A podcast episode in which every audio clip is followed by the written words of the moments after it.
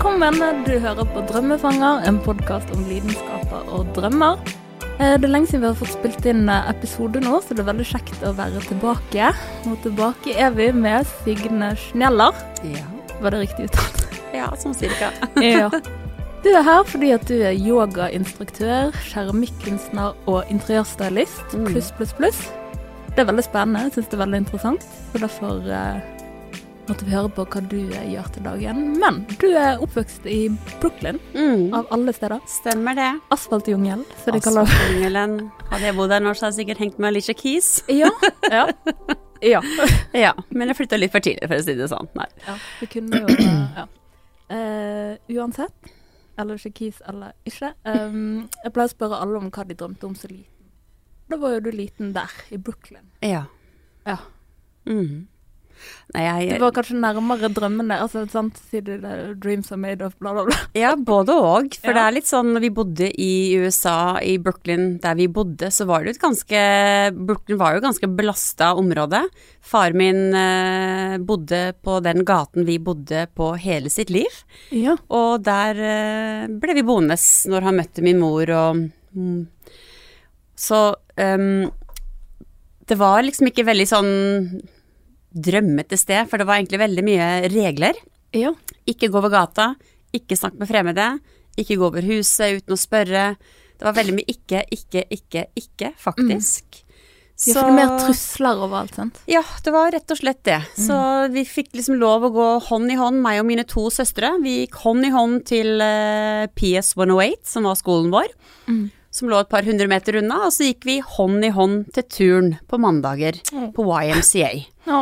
Så ellers så var det veldig lite frirom for å bare kunne leve ut drømmene sine. Mm. Mm. Men viste du noen sånn tidlige tegn til eh, kreative evner, for eksempel? Ja. Ja. På godt og vondt. Jeg tror nok det har slitt min mor ut ganske så heftig. Mm Eh, men eh, sånn er det når du er kreativ. Ja. Det er eh, For noen så kan det sikkert være litt sånn slitsomt hvis man Mhm. bare vil ha et helt vanlig, ordinært eh, A4-barn. Ja. Det har jeg aldri vært, og nå som voksen så kan jeg jo si at jeg aldri blitt A4-voksen heller. Mhm. Så det er liksom noe som tror bare Du er litt medfødt. Er litt medfødt. ja. Nå er jeg far Min far er fra en veldig kreativ familie. Tanta mi er kunstner, pappa er Mhm. veldig kreativ. Og, så mamma er veldig eh, praktiker og veldig ryddig og strukturert, så hun har liksom ja. Det er veldig fint med hennes balanse og ja. på morssiden kontra begge- farssiden. Ja. Ja. Så det er en ja, fin ting å ha med seg. Mm. Jeg har alltid vært kreativ. Jeg husker jeg kunne komme inn og ha funnet ting i søppelbøttene. Eh, liksom, eller ute på gata og finne, og finne, og så bare kunne jeg ta det på meg og så bare leve ut en historie og skuespill og Mm. Helt fan, fantastisk hvis jeg fant én ting, så kunne jeg bare bygge en hel eh, teaterstykke på det. ja. Var du en som eh, likte å holde på med samme tingen over lengre tid, eller likte du å skifte på hva du holdt på med? Nei, da var jeg nok litt mer sånn at jeg likte de samme tingene. For man hadde liksom ikke så tilgang på så veldig, veldig mye. Mm. Men jeg trengte liksom aldri leker eller noe sånn ting eh, sånn kjøpt. Så jeg kunne bare være kreativ ved ting jeg fant, da. Ja. Og veldig glad i å fikse ting og reparere på ting. Det andre kasta, det så jeg som gull. ja. Og det har nok fulgt meg litt frem til i dag. Interessant. Mm. Jeg vet jo at du eh, på et eller annet tidspunkt eh, kom tilbake inn til Norge. Oslo. Eh, Nei. Nei? Nei, nei, nei. Kom du Min mor er fra en liten øy oppe i Nord-Trøndelag. Ja. Mm. Eller det heter ikke Nord-Trøndelag nå, men en øy helt nord i Trøndelag. ja, for at du bodde der imellom. Ja, så Ja. der, eh, når vi f- skulle flytte til Norge da, Ja. min mor eh, hadde ikke lyst til å bo i Brooklyn lenger. Mm. Um, hun hadde da reist over på sånn sen eh, 60-tall Mm. for å bare besøke hennes bror i USA. Mm. Og så hadde hun da booket en tur med Amerikalinjen, og så hadde hun møtt en dame som hun reiste på sånn USA roadtrip med, gjennom Mhm. Texas blant annet. Og så ble hun boende da i Manhattan, eh, og møter min far på en bar. Og han er amerikaner, og hun er nordnorsk, da. Og han ble litt sjarmert av dialekten hennes. Ja, for Så- den skjønte han. Ja, han bare skjønte at her er det noe veldig søtt Mm. eh, på gang. Og da Ja, så ble det jo de, da. Um, Mm. Og da Når vi Ja, lang historie kort. Mhm. Når eh, min mor valgte å flytte familien til Norge, så var det fordi at de skulle innføre metalldetektorer på skolen. Mhm. Så da syntes mamma at det var, nå er det nok. Nå er det nok Nå er det li, for lite frihet. Ja. Og hun er jo som sagt fra en øy oppe i Nord-Trøndelag hvor eh, det er ikke så mye du trenger å være redd for. Mm. Og da sa min bestefar bare flytt hjem til meg. Ja. Så det var et fint sted å kunne lære norsk, da, for det, vi, lærte, vi var ikke tospråklige når vi flyttet til Norge. Hvordan var det, da? Det var egentlig helt greit. Ja. Mamma var veldig strategisk. Jeg vet ikke om min far var klar over det, men jeg tror nok min mor hadde en plan hele veien om å ville bosette seg i Norge. Mm. Far ble med da, på lasset. ja. Uh, han gjorde det. Men eh, mamma tok oss barna med, vi er fire barn. Mm. Mamma tok oss med annethvert år, sparte hun alle penga til å reise til Norge med alle sammen. ja. Så vi Det visste hvor vi flyttet når vi flyttet, Mm. og vi syntes det var veldig greit. Ja. Hva tenkte du om eh, naturen, du som var så vant til asfalt og høye Du, bygninger? Jeg skal si at vi var veldig heldige, fordi min far eh, hadde eh, et landsted, han og hans søster hadde et landsted upstate New York. Aha. Og det var sånn bitte lite hytte, veldig enkel standard, mm. midt blant gårder og kornåkre og kuer og sauer og hva enn du måtte ønske. Mhm. Og der var vi så ofte vi kunne, så vi hadde liksom litt av det derre landlige. Ja. Og mamma så hva det gjorde med oss, Mm. å, å være på, på hytta, Ja. eller på landet, Ja. og, og tenkte Jeg tror nok hun tenkte at det, dette har jo jeg i Trøndelag. ja. Så fra som sagt ikke, ikke, ikke til å bare, bare, bare komme hjem til kveldsmat og ikke trø i kuskitt. Ja. Det er en veldig stor kontrast. Mm. Så jeg tror hun så at vi blomstret, og ting ble lettere for henne òg. Ja. Mindre bekymringer. Så vi hadde litt det der Ja. naturerfaringen i oss fra Norge eller USA. Mm. ja. Jeg vet eh, naturen og det pusterommet har blitt veldig viktig for deg videre i livet. Oi, vi skal inn på det, men før så må jeg bare vite liksom eh, For jeg vet at på et eller annet tidspunkt så flyttet du jo til Oslo. Mm. Og du jobbet som eh, ja, både journalist og interiørstylist. Og hvordan kom du inn på de feltene? Jeg eh, flyttet til Oslo rett etter uh, gymnaset. Mm. Vi bodde på Sørlandet en liten periode. Mm. Eh, Foreldrene mine fikk jobb der i Kvinesdal, av alle ting. Ja. Eh, Så der har jeg eh, hatt et lite opphold, alle oss i familien. Så eh, jeg flyttet rett etter gymnaset og flyttet til Oslo. Og eh, var liksom ikke helt sikker på hva jeg- helt jeg ville. Det kreative var nok ikke helt støttet fra min mors sin side. Hun så vel ikke noe sånn kreativ yrke som noe særlig noe å satse på. Um, Gikk det på trygghet og sånn? ja, eller min, Ja. min far klarte aldri helt å bruke kreativiteten til noe helt konkret. Nei. Så for han, for henne, mamma, så ble litt det der kreative bare litt sånn kaos. Ja. Ikke satt i system. Mm. Eh, men jeg tror ikke jeg helt skjønte at man faktisk kunne sette det i system, da. Mm. Så jeg har um, jobbet litt med den strukturen på å liksom kunne få det til. Så jeg um, visste ikke helt hva jeg ville sånn når jeg flyttet til Oslo, så det ble litt sånn diverse jobber. Og så kom det til et punkt hvor jeg bare tenkte nei, jeg vil gjerne noe kreativt. Så jeg um, utdannet meg til dekoratør i Tønsberg. Mhm. Og Kult. da ble det liksom litt springbrettet til eh, både litt av hvert. Ja. For det brukte bare alt dette visuelle og den kreative sansen Mm. eh, fra det. Ja. Og bare har alltid turt å stikke hodet litt frem og Mm. Så det bare ballet på seg med Startet i 2002 et innrednings, sty- stylist-innredningsfirma for meglere, sånn som er så veldig hot nå. Ja. Det startet jeg og en venninne, Mari. Ja. Vi jobbet sammen i Glassmagasinet, som i dekorasjonsavdelingen der. Mhm. Og vi bare hadde hørt at det var noe som folk skulle begynne med som het sånn boligstyling. Ja. Og jeg hadde aldri hørt om det. Og så ja. hun var kjempegira. Og så hadde vi begge to litt sånn kapital. Ja. Så vi sa skal vi bare, skal vi bare si opp jobbene våre og bare kjøpe et varelager? Ja. Og så bare skal vi bare gjøre det? Ja. Og jeg tenkte bare Jeg var relativt impulsiv, da. Og så tenkte jeg bare ok, vi gjør det. Så en liten uke seinere så har vi begge levert oppsigelse og begynte å sette i gang og så kjøpe inn et varelager for å ha startet dette boligstylingfirmaet i 2002, altså. Ja. Det er litt ko-ko. Det er Det er så lenge siden. Vi har tre i hele Norge på markedet. Ja. For at nå er det, som du sa, ganske poppis. Men Ja. er da Så da var du foregangskvinne for boligstylistene. Må jo nesten si det da. Ja. Så jeg holdt på i et par år med det, og så valgte vi å gå hver for oss, og så fortsatte vi hver for oss. Mm. Og så fant jeg ut at nei, jeg har ikke lyst til å bare style boliger for ingenting. Folk Nei. skal ikke bo der engang, så Nei. jeg syns det var litt sånn mye heller å deiligere å steile hjem til folk der de faktisk skal bo. ja. Så Men det har du òg gjort, og du har vært eh, innblandet litt på TV, holdt foredrag og mm. ja. Hvordan havnet du i TV-bransjen? Altså når jeg da solgte dette firmaet, da, eh, boligstylingfirmaet, så begynte Mm. jeg mer eh, hjemme hos folk og syntes det var mer givende. Og så um, ble jeg tipsa om en, jobb, en, en, mm, annonse i KK. Mm. Eller som uh, interiøransvarlig i KK. Hadde jo ingen redaksjonell erfaring overhodet. Nei. Og så bodde jeg sammen med to kompiser da, på den tiden som var litt sånn driftige og, og jobbet litt som journalister, og han ene bare sa 'kom igjen, Signe, du må søke'. Jeg bare 'jeg kan ikke søke, jeg er jo skikkelig dårlig i norsk og amerikansk ordstilling, og det går jo ikke'. Mm. Og jeg har aldri jobbet i magasin før. Han bare 'kom igjen, jo, dette kan du'. Ja. Jeg trengte til og med litt hjelp for å redigere søknaden, for den bar litt preg av litt amerikansk morsmål. Mm. Um, og så fikk jeg jobben, da. Ja. Som vikar, som interiøransvarlig i KK. Og det var egentlig overveldende. Tok Ja. meg skikkelig, skikkelig vann over hodet. Jeg var jo eh, helt overarbeida. ja. Men lærte masse om Og så var det en gang at når jeg jobbet der, at de spurte om noen kunne eh, gjøre en sånn stunt på God morgen Norge. Ja. Og da sa de ja, Signe kan gjøre det, og jeg sa jo selvfølgelig ja. ja. og da var det sånn liksom hva er inn nå, hva er trendy nå. Ja. Så gjorde jeg et par sånne innslag på vegne av KK, liksom hva er moten og hva er trenden nå. Mm. Dette var i 2007. ja. Det virker jo ikke så lenge siden, men det er jo faktisk ganske lenge siden.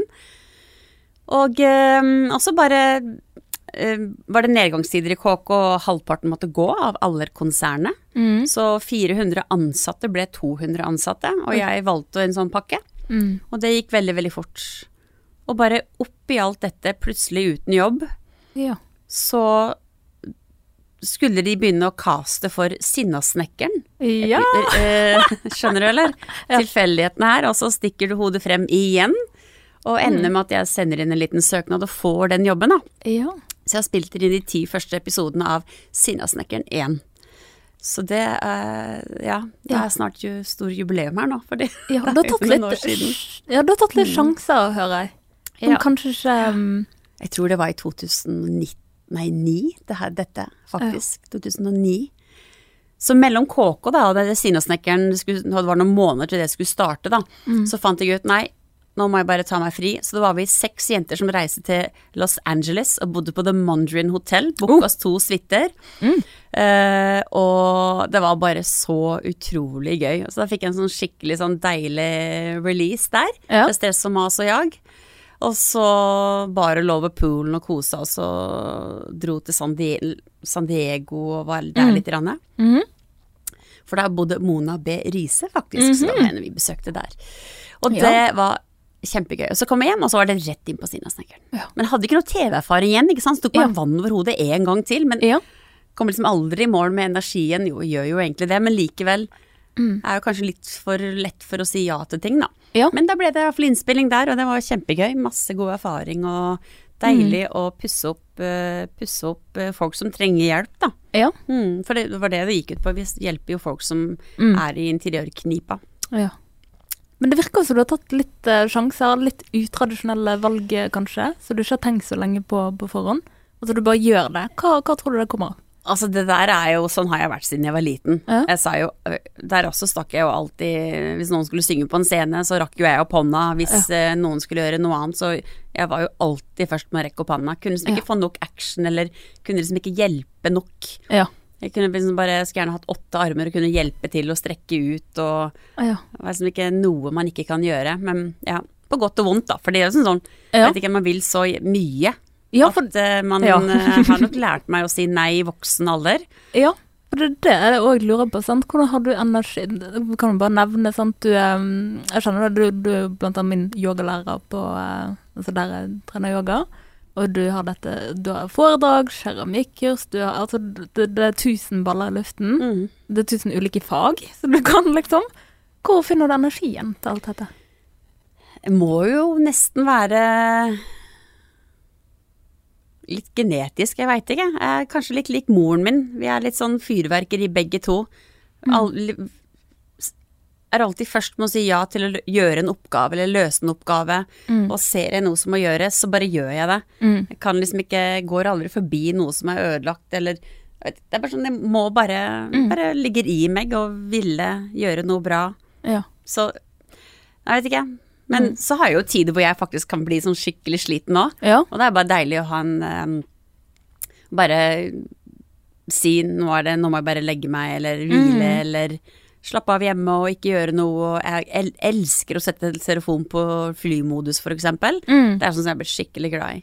Og så har jeg blitt veldig flink til å ha sånn lakenskrekk før, da, ikke sant. Hvis du skal på fest og sånn. Jeg er jo sist i seng. Men nå kan jeg bli sånn der, heller si nei til en fest, for jeg bare har lyst til å gå og legge meg tidlig. Ja. Så her om dagen så fikk jeg litt sånn faktisk ikke refs, men jeg fikk, som, fikk poengtert at er du klar, Signe, at du sendte god natt halv ti eller kvart, kvart over Jeg skal legge meg snart kvart over ni. Ja. Halv ti. Ja, nå legger jeg meg god natt. Mm. Men blir Så. du møtt med forståelse, eller er folk veldig vant til at du liksom alltid er den som skulle dra ting i gang, eksempel? Det er nok eh, et, eh, et, et godt tema, fordi Mm. det er eh, Du blir gjerne hun som alltid gjør det, Ja. og så tiltrekkes du folk kanskje av fordi de liker at du gjør det, Ja. og så får du aldri noe i retur. Nei. Litt mer passive. Ja. Det Og så sånn Kan også merke at den energien faktisk er noe man oppdager da når man blir voksen, kanskje mange misunner. mm. Mange ønsker og skulle selv hatt, og det har satt meg litt Ja. kjipe ja. tilfeller da, hvor jeg merker at misunnelse kan Ja. råde, da, og det er, det er ikke noe godt. Nei. Så mm, Ja. Og opplever du at du på en måte har blitt støttet og heiet på, eller er du misunnelse der òg? virkelig begge deler. Jeg må Ja. dessverre si det. Mm. Det er uh, Merker det. Det er liksom sånn Du har en liten heiagjeng, Ja. men så kan man liksom tenke Hvorfor heier ikke de òg? Mm.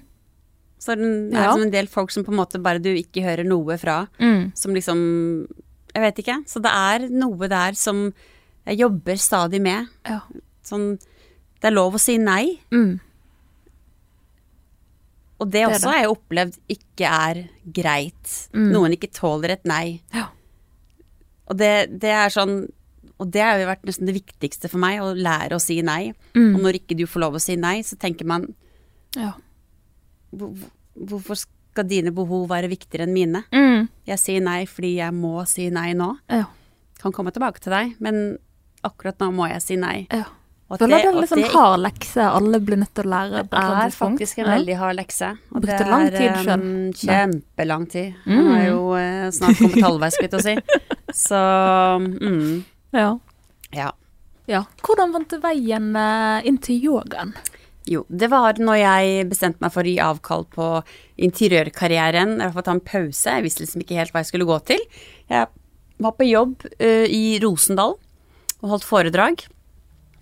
Visste ikke hvor Rosenholm var engang, jeg hadde jo knapt vært på Vestlandet. Og så kom jeg da til denne sjarmerende lille bygda mellom fjell og fjord. Og syns det er dauvakkert, ikke sant. Der sitter jeg, kommer rett ifra Oslo, masse stress og ser aldri sjøen. Og, og kommer rett til et sånt sted som er så magisk. Ja. Og eh, bare kjente umiddelbart veldig sånn ro, da. Og når jeg flytta Eller jeg var der to ganger på ett år. Ja. Og andre gangen endte jeg opp med å kjøpe hus der.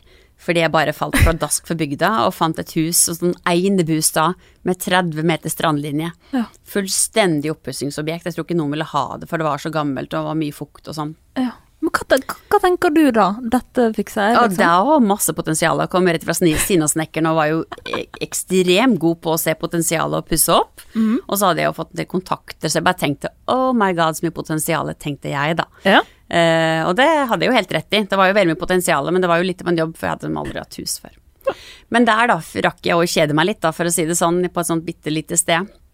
I hvert fall jeg som var så vant til så mye impulser i byen og, og være veldig ubersosial. Så hadde jeg besøk av en kompis som er litt sånn yogafyr, da. Og han bare 'Signe, du skal ikke bare dra til Goa og ta en sånn yogautdannelse'. Jeg bare 'nei, nei, nei, yogautdannelse, det er, nei, det er ikke det jeg vil, jeg vil bare liksom bli god på yoga sjøl'. Ja. Og så sa 'nei, men slapp helt av, du kan bare gjøre det for din egen del, så kan du bare se'. Og så en måned senere så var jeg i Goa. Selvfølgelig. Selvfølgelig var jeg det. vel men det Nei, da, jeg fikk satt bort katten eh, til eh, en måneds eh, pass hos venner, og så, stakk og så dro jeg til Goa og ble yogainstruktør, da. Det er jo ikke mer som skulle til enn et lite push fra en kompis. Nei.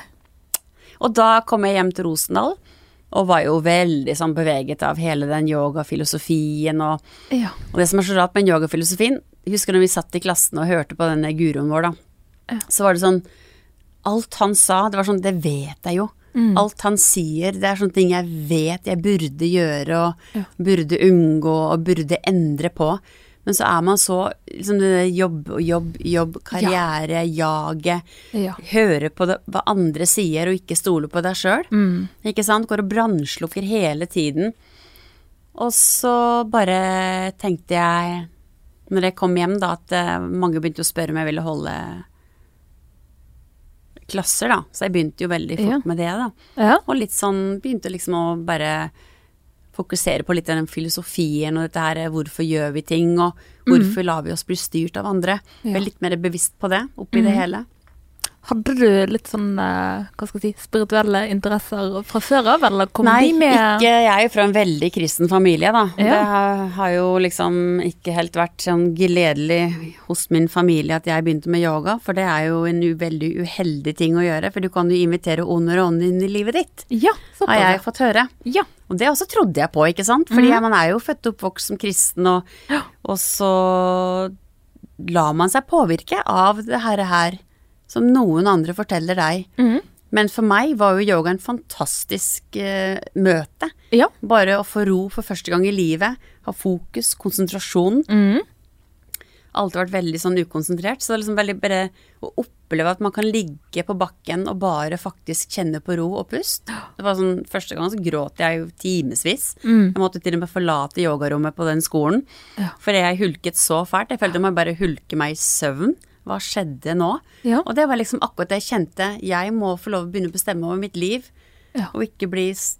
Så det ble egentlig noe mye større enn bare den timen. Ja. Men det var liksom ikke, det var ikke noe s- Kall det spirituelt. Men det det også faktisk forstå noe du hele tiden har blitt fortalt av andre Mm. du ikke forstår. Ja. Og så skjønner du du egentlig har forstått det hele tiden, Mm. men andre har fortalt at ikke du forstår. Eller at du er feil.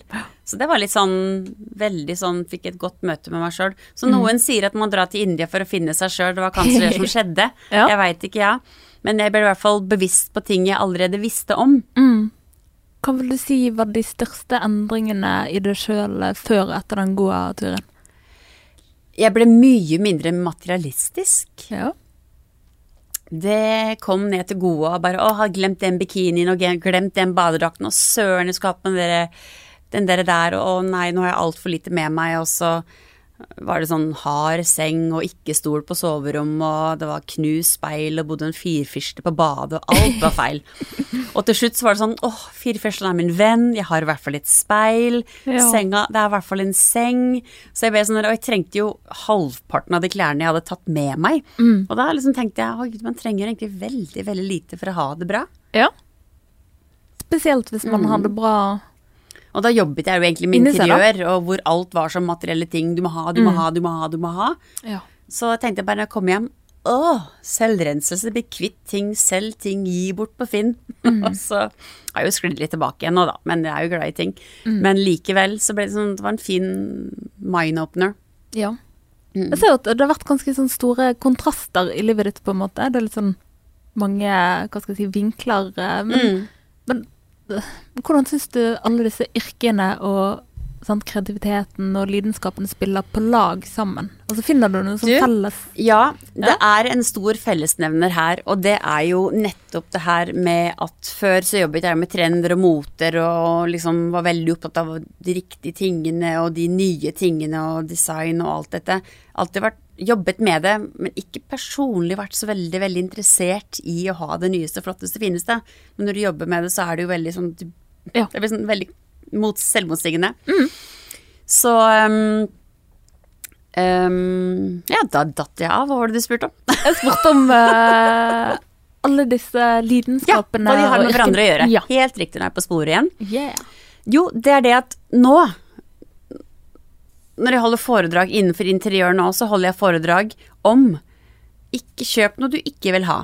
Ja. Ikke kjøp noe du ikke liker. Ikke mal en vegg med en farge du ikke liker. Nei. Så foredragene mine og mine interiørkonsentrasjoner nå har blitt mye mer ekte. Ja. For når folk sender meg mail, for jeg tror jeg får mail ukentlig Du, unnskyld at jeg spør, kan jeg bare spørre deg, for jeg så noe greier med deg på Instagram, eh, eller så en episode fra lenge tilbake, selvfølgelig. Hvilken farge skal jeg male på veggen når jeg skal ha dåp? Har du noen ideer til hvordan du skal pynte bordet? Og det er sånn, tenker jeg, jeg aner ikke hvem du er, jeg aner ikke hvilken stil du har, jeg aner ikke hva slags lysforhold du har, hva som du bor i hus eller leilighet, og så skal jeg bare hoste opp en farge til deg. Mm. Det er nesten sånn Ja. fornærme seg sjøl. Mm. Så nå har jeg som sagt foredragene og interiørkonsentrasjonene handler mer om ekthet. Ja. Jeg gjør aldri noe fordi jeg syns at kunden skal gjøre det. Nei. Jeg ber alltid de prøver å liksom luke litt i ugresset og finne liksom hva er din favorittblomst, ikke sant. ja. Uh, og det er så mye ugress her at den blomsten kommer ikke frem, så du må få unna de tingene du ikke Ja. liker, som er alle disse trendtingene du tror du er trygge med fordi alle andre har det. Trenger ikke det. Nei. Kjøp ting fordi du virkelig liker det. Ja. Så jeg ber ofte folk lage en kollasj. Ja. Klippe ut 15 bilder av bare ingen tror ikke ha noe fellesnevner. Ja. Klipp ut 10-15 bilder, og så se, tar vi en titt på de når jeg kommer. Mm. For da ser jeg hva de liker, og hvilken stil de kan ha. Ja. Selv om ikke de vet det sjøl. Så det og foredragene handler også om dette her. Her. Eh, Det blir liksom sånn derre sånn derre Jesus-stemning i salen når jeg sier til folk ikke kjøp noe mote eller trend bare fordi alle andre har det. Fordi vi er liksom så styrt til å ha den riktige fargen og Mm. Ja. Men skal du aldri finne ro i ditt eget hjem fordi du alltid går og venter på at det kommer en ny trend, og da må du endre ting igjen. Ja. Så liksom bare folk, nå må dere roe dere ned, og nå må dere finne røttene deres. Mm. Og finne ut hva som betyr noe. Er det ikke bedre å ha skikkelig ro i heimen og stå med ryggen støtt, Ja. eller å gå alltid litt usikker rundt i ditt eget hjem med halen mellom beina fordi du aldri vet om det er godt nok? Mm. Har du sett på det der uh, Hvem bor her på NRK? Nei. Nei. Det Der eh, ser man noen ganske tydelige trekk mellom uh, personene og hjemmet. sant? Skal gjette Ja, hvem ja, som bor uh, hvor. Så noen, mens andre er så nøytrale på en måte i klesstil og alt sånn at det er umulig på en måte å si hvor de hører hjemme. da. Ja. Nettopp. det hjelper egentlig folk å finne den der kjernen og essensen i, i Mm. stil, da. Ja. Ja. Føles ikke det godt? Veldig. Ja. Det Lyser de det. litt opp når de på en måte innser sjøl hva, hva de liker? Ja, de gjør det. mm. Men de bare vet ikke. Altså, Ja. det hadde en dødsrik mann en gang som kjøpte en rådyr leilighet, selvfølgelig, for han var jo dødsrik. Ja. Og så hadde han bare gått ut og handla masse ting han syntes var fint. Mm. Og så fikk han alt hjem, Mm. og han syntes det var helt forferdelig sammen. Ja. Han hadde leid den meg inn, solgt den alt på Finn, og så leide den meg inn til å møblere på nytt. Ja. Med en fellesnevner, da. Mm. En rød tråd. Ja. Det var jo veldig interessant, da, fordi Mm. veldig mange gjør det. Ja. Veldig mange kjøper fine ting uavhengig av at det kan passe sammen. Ja. Og det er ikke det at alt må passe sammen. Det er jo noen Nei. som har veldig eklektisk stil der ingenting passer sammen. Det bare, Mm. Det blir så bra for det. Ja. Så det er, folk trenger ofte et lite sånn dytt. Mm. Mm. Det ligger veldig mye psykologi i det her, egentlig. Ja. Ja. Som, som Maria Mena sier. Sometimes you just need a little push. Ja. Ja, ja. Hun har Kanskje det helt er rett. som Ja, hun har helt rett. at det er litt mm. din rolle på mange måter, da. Gi folk det der lille pushet. Og så fra liksom in, nei, det der boligstyling-tidene til å bare lage et interiør og flytte ut, og så noen tjener penger på det, Mm. til å gjøre dette nå, som gjør at folk bare føler seg enda mer komfortable Ja. og enda tryggere i sitt eget skinn, men også i sitt eget hjem. Ja. Det er veldig fint. ja. Mm. Fantastisk. Mm. Vi må, vi må rett og slett være ærlige. Vi satt her i sted, og du eh, holdt på å si avbryta for at du eh, skulle kjøpe nytt hus. Ja, jeg måtte bare signere en dokumenter. Jeg måtte bare si time out midt i podkasten, Ja, altså. Ja. Gratulerer, men siden vi er inne på tusen, tema. tusen takk. Ja. Det er veldig stort. Det bobler nesten over meg. Jeg skulle ønske jeg hadde bobler til stede her. Nå har jeg bare Ja. Farris, men det var ikke de boblene jeg helst skulle Ingen nå. Ingen sjampis, men uh, er Ja, Vi tar det etterpå, ja. Ja, nei, i dag um, har jeg da altså Eller jeg har kjøpt meg et hus. Jeg bare venter på at alt skal falle på plass av du vet, bankgreier, da. Ja. Så nå blir jeg kongen på haugen eh, litt utenfor Bergen. ja, fantastisk. For du fant ut at leilighet var ikke for deg. Nei. Dette Altså, bylivet. nå bodde jeg i hus i Rosenholm og syntes det var veldig, veldig veldig fint. Men det var et gammelt hus og, som ikke var så godt vedlikeholdt. Og så Mange tror jeg bodde i et hus helt alene på landet med utsikt mot sjøen, men det var i et byggefelt. Og jeg hadde en veldig Jeg syntes det var en nabo som jeg virkelig ikke kom overens med. Mm. Og, og gjorde det veldig vanskelig å trives. Ja. Mm. Skal så ærlig innrømme det. Ja. Og, men det var veldig mye sånn med det huset, og jeg pusset det helt opp fra bunnen av, og så bodde jeg Jeg syntes det var veldig langt ifra byen, da, hvis man ville oppsøke byen. ja. Så veldig sånn, litt sånn ensom i det. Uh, så jeg flyttet til Bergen. Mm. Og uh, tenkte åh, leilighet, dritdeilig, så enkelt, bare Ja. mm, sameie og Men så skulle du bli enig med 20 mennesker igjen, da. Ja. Ikke sant, i et sameie, og litt sånn driftig og litt sånn, og som hele tiden venter på at alle skal bli enige. Ja. Det er jo for så vidt greit, det, men det var ikke så Jeg vet ikke. Det ble for snevert. Det ble for ordinært. Mm. Og det, det kan ikke jeg ha, har jeg skjønt. Ja. Så vurderte jeg kanskje å flytte hjem til Trøndelag. Fordi du vet røttene kaller, og mamma blir jo eldre og, og elsker jo Trøndelag, da. Det er noe med at jeg er ikke så veldig glad i fjell, egentlig. Høye fjell. Nei. Så Nei, men du liker sjø. Elsker sjø. Ja. Elsker sjø. Svaberg sjø, jeg bader jo hele året, det er jo bare dødsdigg. Mm. Men jeg er ikke så veldig glad i disse høye toppene som stjeler sola til enhver tid. Nei. Så da fant jeg et Og så er jeg aldri vært veldig fascinert av sånn 70-tallshus. Mhm. Med sånne høye arker og høye tak og store vinduer og Ja. Og så bare dukket det opp en sånn arkitekttegna hus, vet du. På, Utenfor Bergen, på Ask. Ja. Og eh, tenkte bare Det huset der sier jo bare Signe. Mm. Så jeg dro på en liten visning, da, eh, for meg sjøl, fordi det var ikke visning Jeg kunne ikke dra på den ordentlige visningen, Ja. for da var jeg hjemme hos mamma i Trøndelag.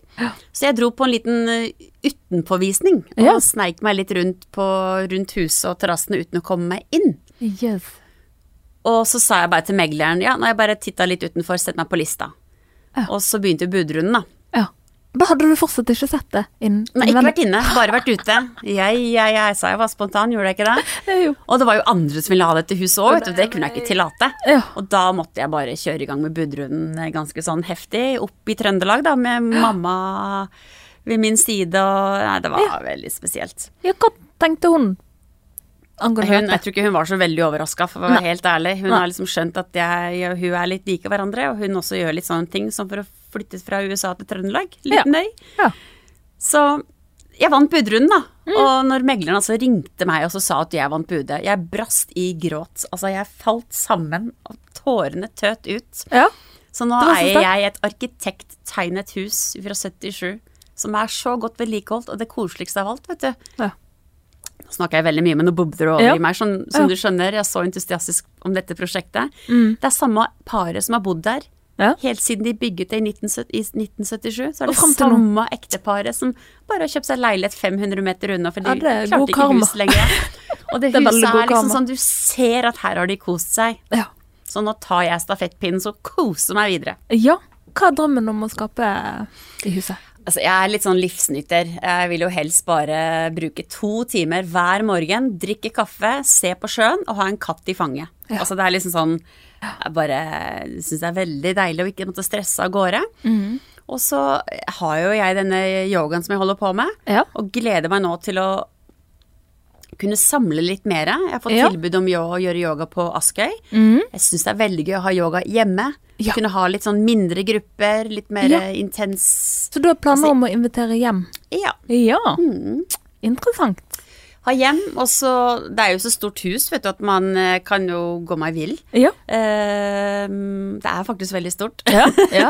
så, Jeg tror på det. men eh, ehm, Så planen er å samle litt mer hjemme, Ja. og heller lage Kunne inspirere andre med Ja. ditt hjem og, og de, den følelsen du kan få til, da. Ja. Sånn som i Rosendal hadde jeg jo Airbnb, og syntes det var kjempegøy. Mhm. Kanskje ikke hele året, kanskje deler av året. Ja. Så kombinere det litt på det viset og flytte verkstedet hjem, da. Mm. Så det blir et litt Så. sånn livsstilskonsept Ja. eh, Ja. hus. Og ikke måtte ut hele tiden for å jobbe. Kunne mer ha, mer ha det i, i samme huset. Ja. Og så med de forholdene, sol hele dagen, Mm. utsikt til sjø nesten fra Ja, nei, det er altså så nydelig og så vakker natur der. Ingen innsyn fra naboer. Jeg gleder meg. Jeg gleder meg. Det skjønner jeg kjempegodt. Apropos at du eh, må flytte deg fra sted til sted og jobbe tusen forskjellige Vi skal inn i spalten En dag i livet til, Signe, eh, for å finne ut hva du gjør til dagen.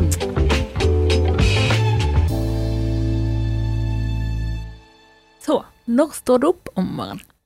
Jeg er veldig morgenfull. Jeg kan nesten ikke stå opp for tidlig. Jeg står kanskje opp sånn rundt uh, sju. Da våkner jeg bare helt av meg sjøl. Ja. Da er det én ting som står i hodet mitt, og det er kaffe. Ja.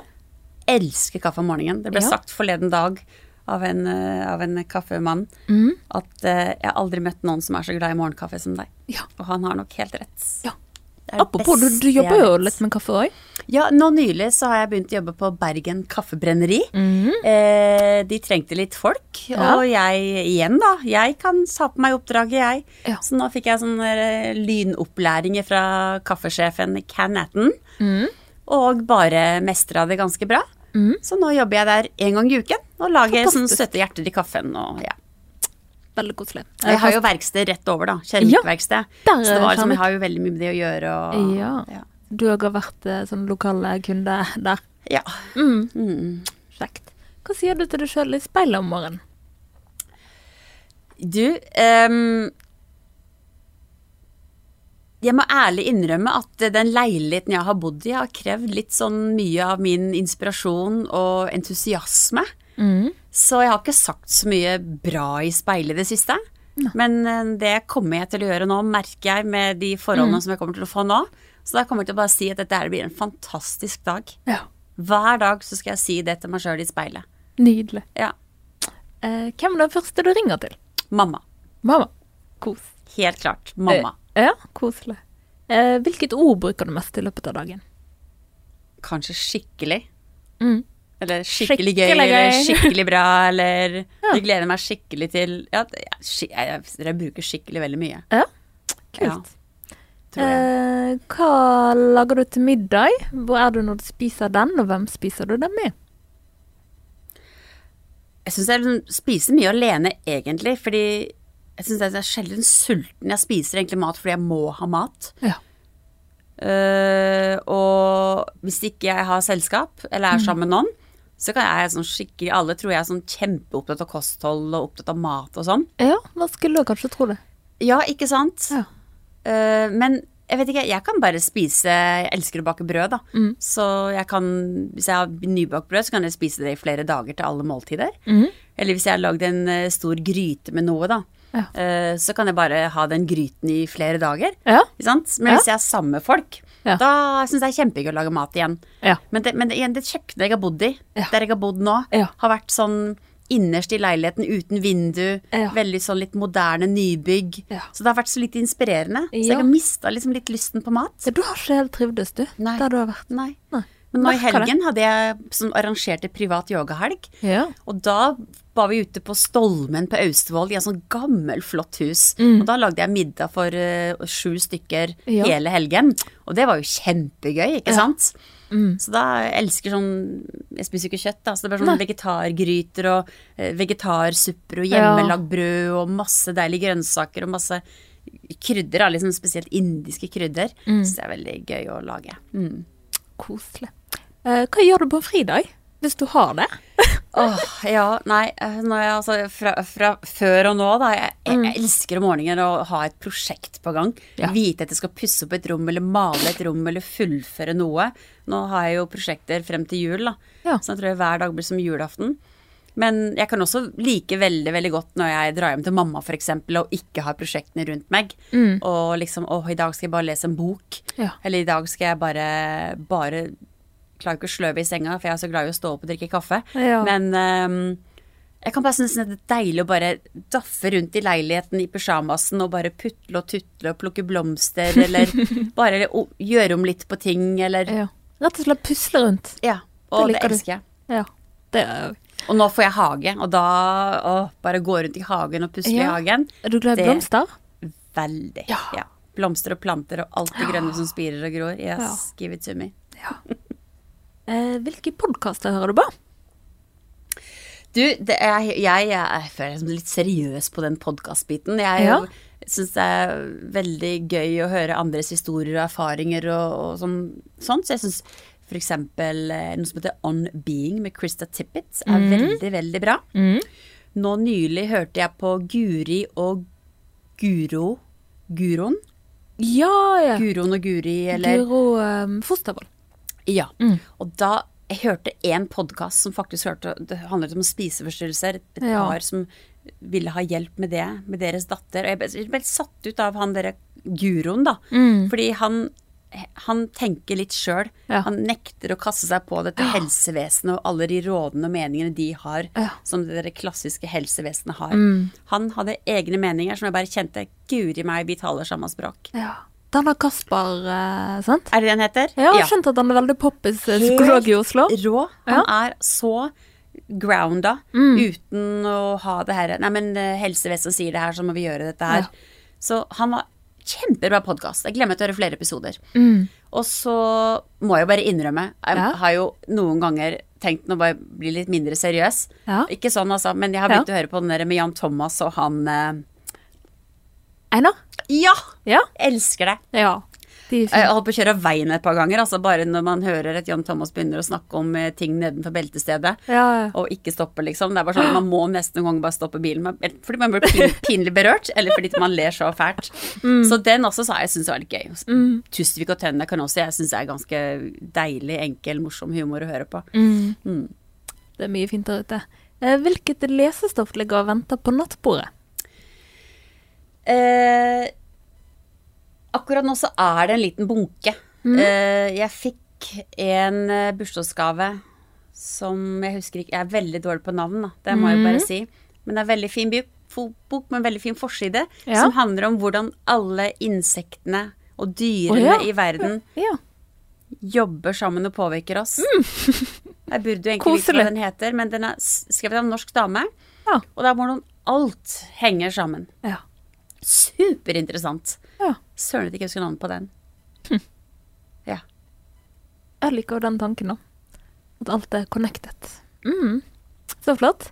Da er vi ute av eh, spalte, men jeg har lyst til å gå litt mer inn på um, dette med yoga, og blant annet disse yogahelgene, Mm. og litt sånn weekender og sånn som du um, arrangerer. Jeg så at du og en er veldig glad i også, uh, Trygve Skau. ja. Ja, ja. Alle elsker Trygve. ja, sant? Han er jo blitt sånn så folkelig og så fin og så skjønn og opptatt av fine ting. Ja, og så er han kunstner med ord. Veldig. Mm. Så han eh, Ja, de fleste elsker jo han. Og eh, ja, hvordan kom det samarbeidet til, liksom? Det er veldig vittig, egentlig. Fordi vi var Jeg eh, bodde i Rosendal, da. Og så følte jeg jeg trengte å lufte meg litt, så jeg kom til Bergen for å være med på en sånn interiørmesse. Og eh, og så ble vi sittende eh, etter stengetid på den messen, og så samles liksom alle som hadde jobbet der, samles liksom rundt et bord. Og da var det jo masse av de jeg kjenner fra Oslo, og bare samles rundt bordet, og var så utrolig hyggelig å se så mye bekjente. Men så var det en ikke jeg kjente, da, var Trygve Skau, da. Blir vi sittende siden av hverandre. Det var liksom nachspielet, da, altså etter, etter, em, etter stengetid på messen, så møttes vi da Mm. satt rundt bord, og så ble det jo selvfølgelig noen glass vin. Og så ser jeg på Trygve Skau, og så ser jeg Du, yoga og poesihelg, vet du. Hæ? Tenk deg å sitte der i vater etter yogaklasse, helt i sitt ess, rolig puls, bevisst, og bare Å, tenk å finne frem penn da, Ja. og begynne å skrive ned ord når du er så i balanse. Ja. Og han sier ja, men det var en god idé. Og ett år seinere eller noe sånt, så hadde vi vår første Det var i år, i januar, hadde vi vår første yoga- og poesihelg. Og det var altså utsolgt på rappen. ja, det tviler ikke Og det var en fantastisk helg. Ja. Og han er jo så dyktig og forteller om seg sjøl og er jo så selvironi og, og forteller om hans vei og liksom at ikke man skal være redd for å skrive ned, for du eier jo dine ord. Så liksom å få kritikk på dine ord kan du egentlig ikke få fordi du har skrevet det. ja. Og så var det jo høytlesning, og det var jo yoga og poesiskriving om hverandre. Mm. Og så var det jo selvfølgelig intimkonsert med Trygve Skau. Ja, for han er jo musiker. Ah, han dro jo frem gitarene vet du, og satt der og spilte. Jeg måtte jo gå rundt med Kleenexen, vet du, for alle sitter og griner, for han har jo så mye tekster som rører så mye. Ja. Og det er også med yoga, når du på en måte sant, Du åpner jo kanskje opp eh, kroppen mer enn sånn, gjennomsnittet. Ja. Og når du da blir eksponert for litt sånn eh, Ja, det er en helg jeg aldri kommer til å glemme. Ja, da det var så mister du det. Det var så nært og kjært og ekte, og du vet, jeg tror mange som kommer på en sånn helg, de, de trenger det for sin egen del. Ja. For de trenger å komme bort, og kanskje trenger å rydde opp i noe, eller finne ut av noe, liksom finne sin plass, og eh, lære å si nei, for den saks skyld. Og, så, og så får du dette i tillegg med poesien og det møtet med hans musikk, som du, så mange kan kjenne seg igjen i. Ja. Altså Det var nesten sånn når vi dro derfra at jeg bare tenkte kan vi ikke bare ta en natt til her, folkens? Og så bare får vi liksom fordypet oss litt til. Det var så fint. Så nå er det ny nå til, i 2021 er det en ny helg. Ja. Håper korona holder seg unna. Ja. At, dette, at vi får til dette, for det var så rørende flott Ja. helg. Hva sitter du igjen med sjøl etter du har hostet noe sånt? Å nei, jeg, jeg blir ute av spill i flere dager, jeg. Mm. Jeg blir så rørt av, av at andre blir rørt, og så blir Mm. jeg så stolt av meg sjøl som klarer å sette i gang noe. Mm. Og lage en sånn arena med en sånn kombinasjon. Spesielt de to tingene. En yogahelg kan være veldig fin i seg sjøl, Mm. men det er akkurat det der med å sette ting Få ord på ting du ikke har fått sagt, Mm. og bare komme så dypt inn på deg sjøl Ja. Gjennom skriving og yoga. Det var, Ja. det var jeg, jeg, blir, jeg blir emosjonelt rørt i dagevis etterpå. Ja. Altså det er en ære og en, for en jobb Ja. å kunne jobbe med noe sånt. Mm. Det er Nei, jeg må ja, Kan nesten ikke snakke om det. Blir litt sånn tårevåt bare Det er fint. tenke på det. Mm. Kjempefint. Det er det du har gjort, det har skapt din egen uh, jobb, Mm. som er en kombinasjon av ja, Mm. mange forskjellige jobber, sant. Så det Men tenker du noen ganger på at du viser andre hva som er mulig? Ja, Mm. absolutt. Jeg tenker at man er liksom Eller jeg, da, kanskje jeg er litt pioner på det viset. Mm. At uh, tør det mange andre ikke tør. Ja. Så er det jo igjen da de som kan gi meg raushet og, og ros for det, og så er det på en måte de som ikke helt klarer å gi deg noe ros for det, kanskje fordi de kanskje skulle ønske at de kunne klare det sjøl. Men sånn, jeg har vært sånn hele livet. Mm. Veldig sånn ser svært lite hindringer i ting. Mm. Så mm, det er jo et annet spørsmål, for når man leser historien, så er det jo på en måte bare suksess på suksess. Men har du på en måte møtt på hindringer? Har det vært tider der det ikke har vært så enkelt? Ja, ja, være absolutt. liksom? Ja da. Ja. Det startet vel, den første litt tøffe perioden var vel i KK. Mm. Hvor jeg føler at det var eh, Det ble litt sånn vanskelig med Det var jo veldig mange kvinner der. Ja. Da var det en, eh, en person som på en måte jeg føler ikke helt Jeg vet ikke, tålte ikke meg. Jeg har aldri snakket ut med den personen om det. Mm. Men det ble liksom tatt opp en mobbing på jobben, da. At Ja. jeg ble mobbet. Og det, det var en veldig vanskelig periode. Jeg satt med Mm. ekstremt høye skuldre kontinuerlig. Og det husker jeg det var en dame på, på jobben. Tone Ruud, tusen takk, du er veldig fin hvis du Mm. hører på dette her. For hun kom ofte bort og la henda på skuldrene mine. Og så sa hun 'senk skuldrene, Signe'. Ja. For da var jeg så anspent, for jeg syntes den situasjonen var så vanskelig. Mm. Så det var sånn jeg tenkte bare hm, det er ikke alltid at alle andre tåler deg. ja. Det er ikke alltid at andre unner deg så godt. Mm. Kanskje, kanskje fordi det er misunnelse, jeg veit ikke. ja. Men um, Men gjorde det at du fortsatte å være Signe, eller følte du da at du ja, måtte nei, jeg sluttet jo i KK. annerledes? Heldigvis så kom det jo den der pakken, så jeg Ja. kunne, kunne gjøre andre ting. Ja. Fordi jeg vurderte jo å slutte jobben, så kom Mm. denne pakken midt oppi det hele, og det var jo egentlig helt utrolig. ja. Fordi Det var en god timing, liksom. Ja, veldig Mm. god timing, for jeg kunne ikke være der. ja. Ok. Men hadde du fått oppleve at andre prøver å endre på det, da? Ja da, det har Ja. jo min, mine foreldre gjort hele livet. Mm. For jeg har vært litt for kreativ og vært litt for rastløs og Ja. litt for uh, sikkert umulig i deres øyne. Men så har jeg jo bare en liten, ung, kreativ sjel som prøver å finne sin vei. Ja.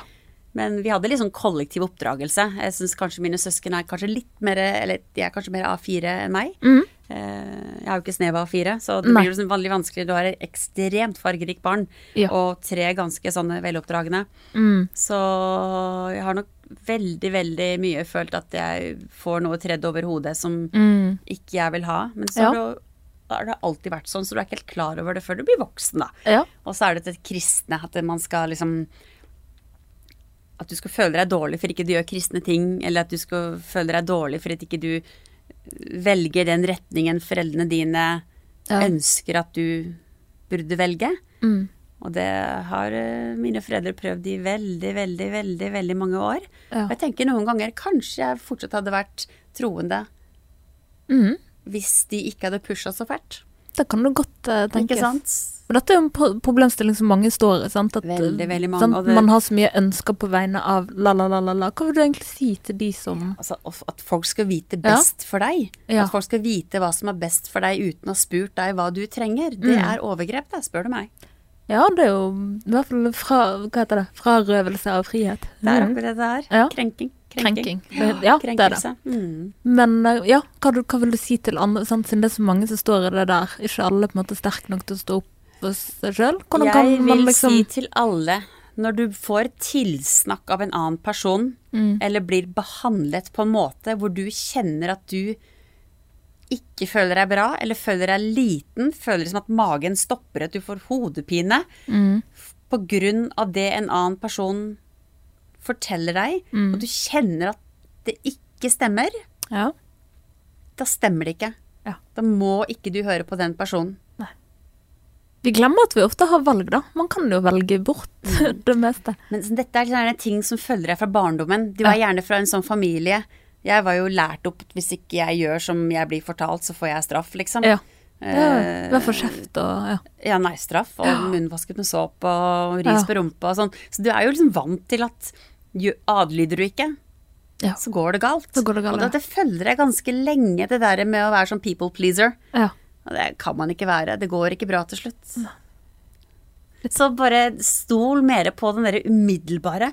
Når du kjenner at humøret ditt faller fordi du føler deg urettferdig behandla, Mm. tør å stå Mm. for det du føler at du står for. Er så viktig. Ja. Det syns jeg var litt kult, for du nevnte det jo i sted, sant? at uh, du trivdes ikke på jobben, vurderer å slutte. Trives ikke i leiligheten, flytter.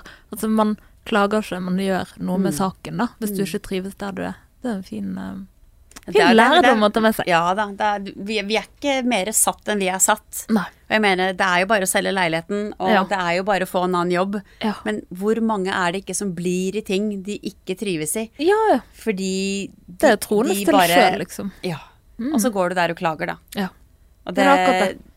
Å bli syk, gjerne, ikke sant? Mm. Verste fall. Men hvordan eh, Altså, hva, hva er drømmene videre nå? Hva ønsker du å skape videre? Åh, nei, det er jo egentlig å skape mitt paradis, å skape et skikkelig hjem. Hvor jeg føler at her vil jeg våkne hver morgen, og her vil jeg legge meg hver morgen. Og, og at um, det, er veldig, det er veldig viktig det der med, med omgivelsene mine. Mm. både med mennesker og med det visuelle og eh, dette estetiske. Så, så både mennesker og ting da, rundt meg påvirker meg veldig. Ja. Så nå føler jeg at jeg er helt på riktig sted. Ja. Så nå kjenner jeg bare at det blir enda mer eh, entusiasme, Ja. enda mer vekst. Ja. At det blir så fint, vet du. Mm. Møtt meg om et halvt år. ja, og da tar du det med inn i yogaen og ja, ja, garantert. Ja. Altså Garantert. I alt jeg gjør, egentlig. Liksom dette her Nok en gang får jeg bevis for meg sjøl. Når Ja. du ikke trives i noe, så må du søke endring. Ja. Ikke sant? Og det er bare sånn Det minner meg nok en gang ja. Selv når det kan se litt så mørkt ut, at det er, det er aldri for mørkt ut for at ikke du kan gjøre noe Nei. å komme ut av mørket, da. Det er veldig sant. Mm. Det er sikkert mange, mange som trenger å høre det. Vi går jo ikke akkurat den Ja. lyseste perioden i møte nå. November tror jeg egentlig er ganske tung for mange. Ja, nå begynner det å bli Eh, tidlig mørkt, altså. ja. Det er det- um, Og da føler jeg en sånn ting som yoga kan være en ganske fin eh, ting ja, å få inn i livet sitt, rett og slett. Absolutt. Og det yoga kan, fylle på det der lageret. Ja, på fylle måte. på. Og så Med yoga Du trenger så lite, da. Mm. Uh, du trenger bare kroppen din og en matte. Ja. Uh, og, men jeg pleier å si til folk liksom, for å liksom lage din lille stund Mm. Prøv liksom å ta en pause fra støy eller familien eller Ja. menneskene rundt deg og si at nå skal ha en pause. Ja. Tenn gjerne et lite lys, senk Mm. gjerne belysningen. Ja. Og bare kanskje tenne et lys eller ha en favorittduft eller noe. Bare å gjøre det litt sånn litt rituale, Ja. så ikke det bare er fem minutter på matta. Ja. Og så er fem minutter mye bedre enn ingenting. Ja. Så alle tror at nei, de må i hvert fall gjøre en time eller noe Ja. for det skal være, liksom, være verdt det. Nei. Eller målbart. Mm. Det er ikke noe som heter det. Bare ta den bitte lille stunden og kjenne Mm. om du bare ligger på en matte og lukker øynene og ka- kjenner at pulsen kan roe seg ned, Mm. Ja. skuldrene Pusten. senker seg, og at pusten kan slippe stress i pusten og brystet. Ja. Bare det, de fem minuttene der kan være Gjøre Mm. underverker. Siste, jeg tenker siden du er fargeekspert og sant, med tanke på denne mørketiden vi går nå i møte, hva kan man liksom gjøre med situasjonen som er nå, bare for å få litt sånn ekstra energi og litt glede, rett og slett? Eh, Det er ingen tvil levende lys. Ja. Ingen tvil at det gjør godt. Mhm. Men belysning i heimen også. Ja. Eh, Jeg er veldig mot sånne takspotter. Ja. Du sitter nesten bare og, og, og rynker pannen fordi Ja. du har det lyset ovenfra. Det blir sånn, det blir sånn som spotter på et, på et bad. Ja. Sant? Du ser jo aldri bra ut i spotter ovenfra. Du får jo alltid liksom litt sånn. Ser alltid litt sånn blek og poser under øynene og sånn. For du får Det er nok sant. Ikke sant? Samme som her også. Ja, men jeg syns det- det er litt koselig, da, for det er litt sånn der eh, Når du har lys- og Ja, det er nesten du får Ja. litt lys. Noe dempet i taket, gjerne at du kan, øh, Ja. at du kan ha sånn demper på det. Ja. Og at du har litt lys som er gjerne la lavere nede, som på et sofabord. Og at du har noe lys som er midt i rommet. Ja. Sånn som en lampe, lam, lampe på fot, da. Mm. Så at, at lys uh, må liksom ikke være 60 watts hvit lyspære. Nei. Eh, at litt lys i ulike plan, litt glød, Mm. har veldig masse å si. Ja. Lys Jeg har et eget fag, det, vet du. Belysning. Ja, Mm det tviler ikke. Touchet innom det. det. Ja. Jeg har jobbet med interiør og sånn, men eh, ja. Ja. Så stemning i heimen, omgi deg med det du liker, og det som gjør deg godt. Ja. Og med disse ordene så sier vi tusen takk til Signe. Tusen takk som ville komme. Det var utrolig koselig å ha Det deg. er veldig, veldig hyggelig å komme. Tusen takk for meg. Og tusen takk til deg som hørte på.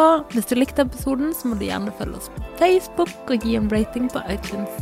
Lut.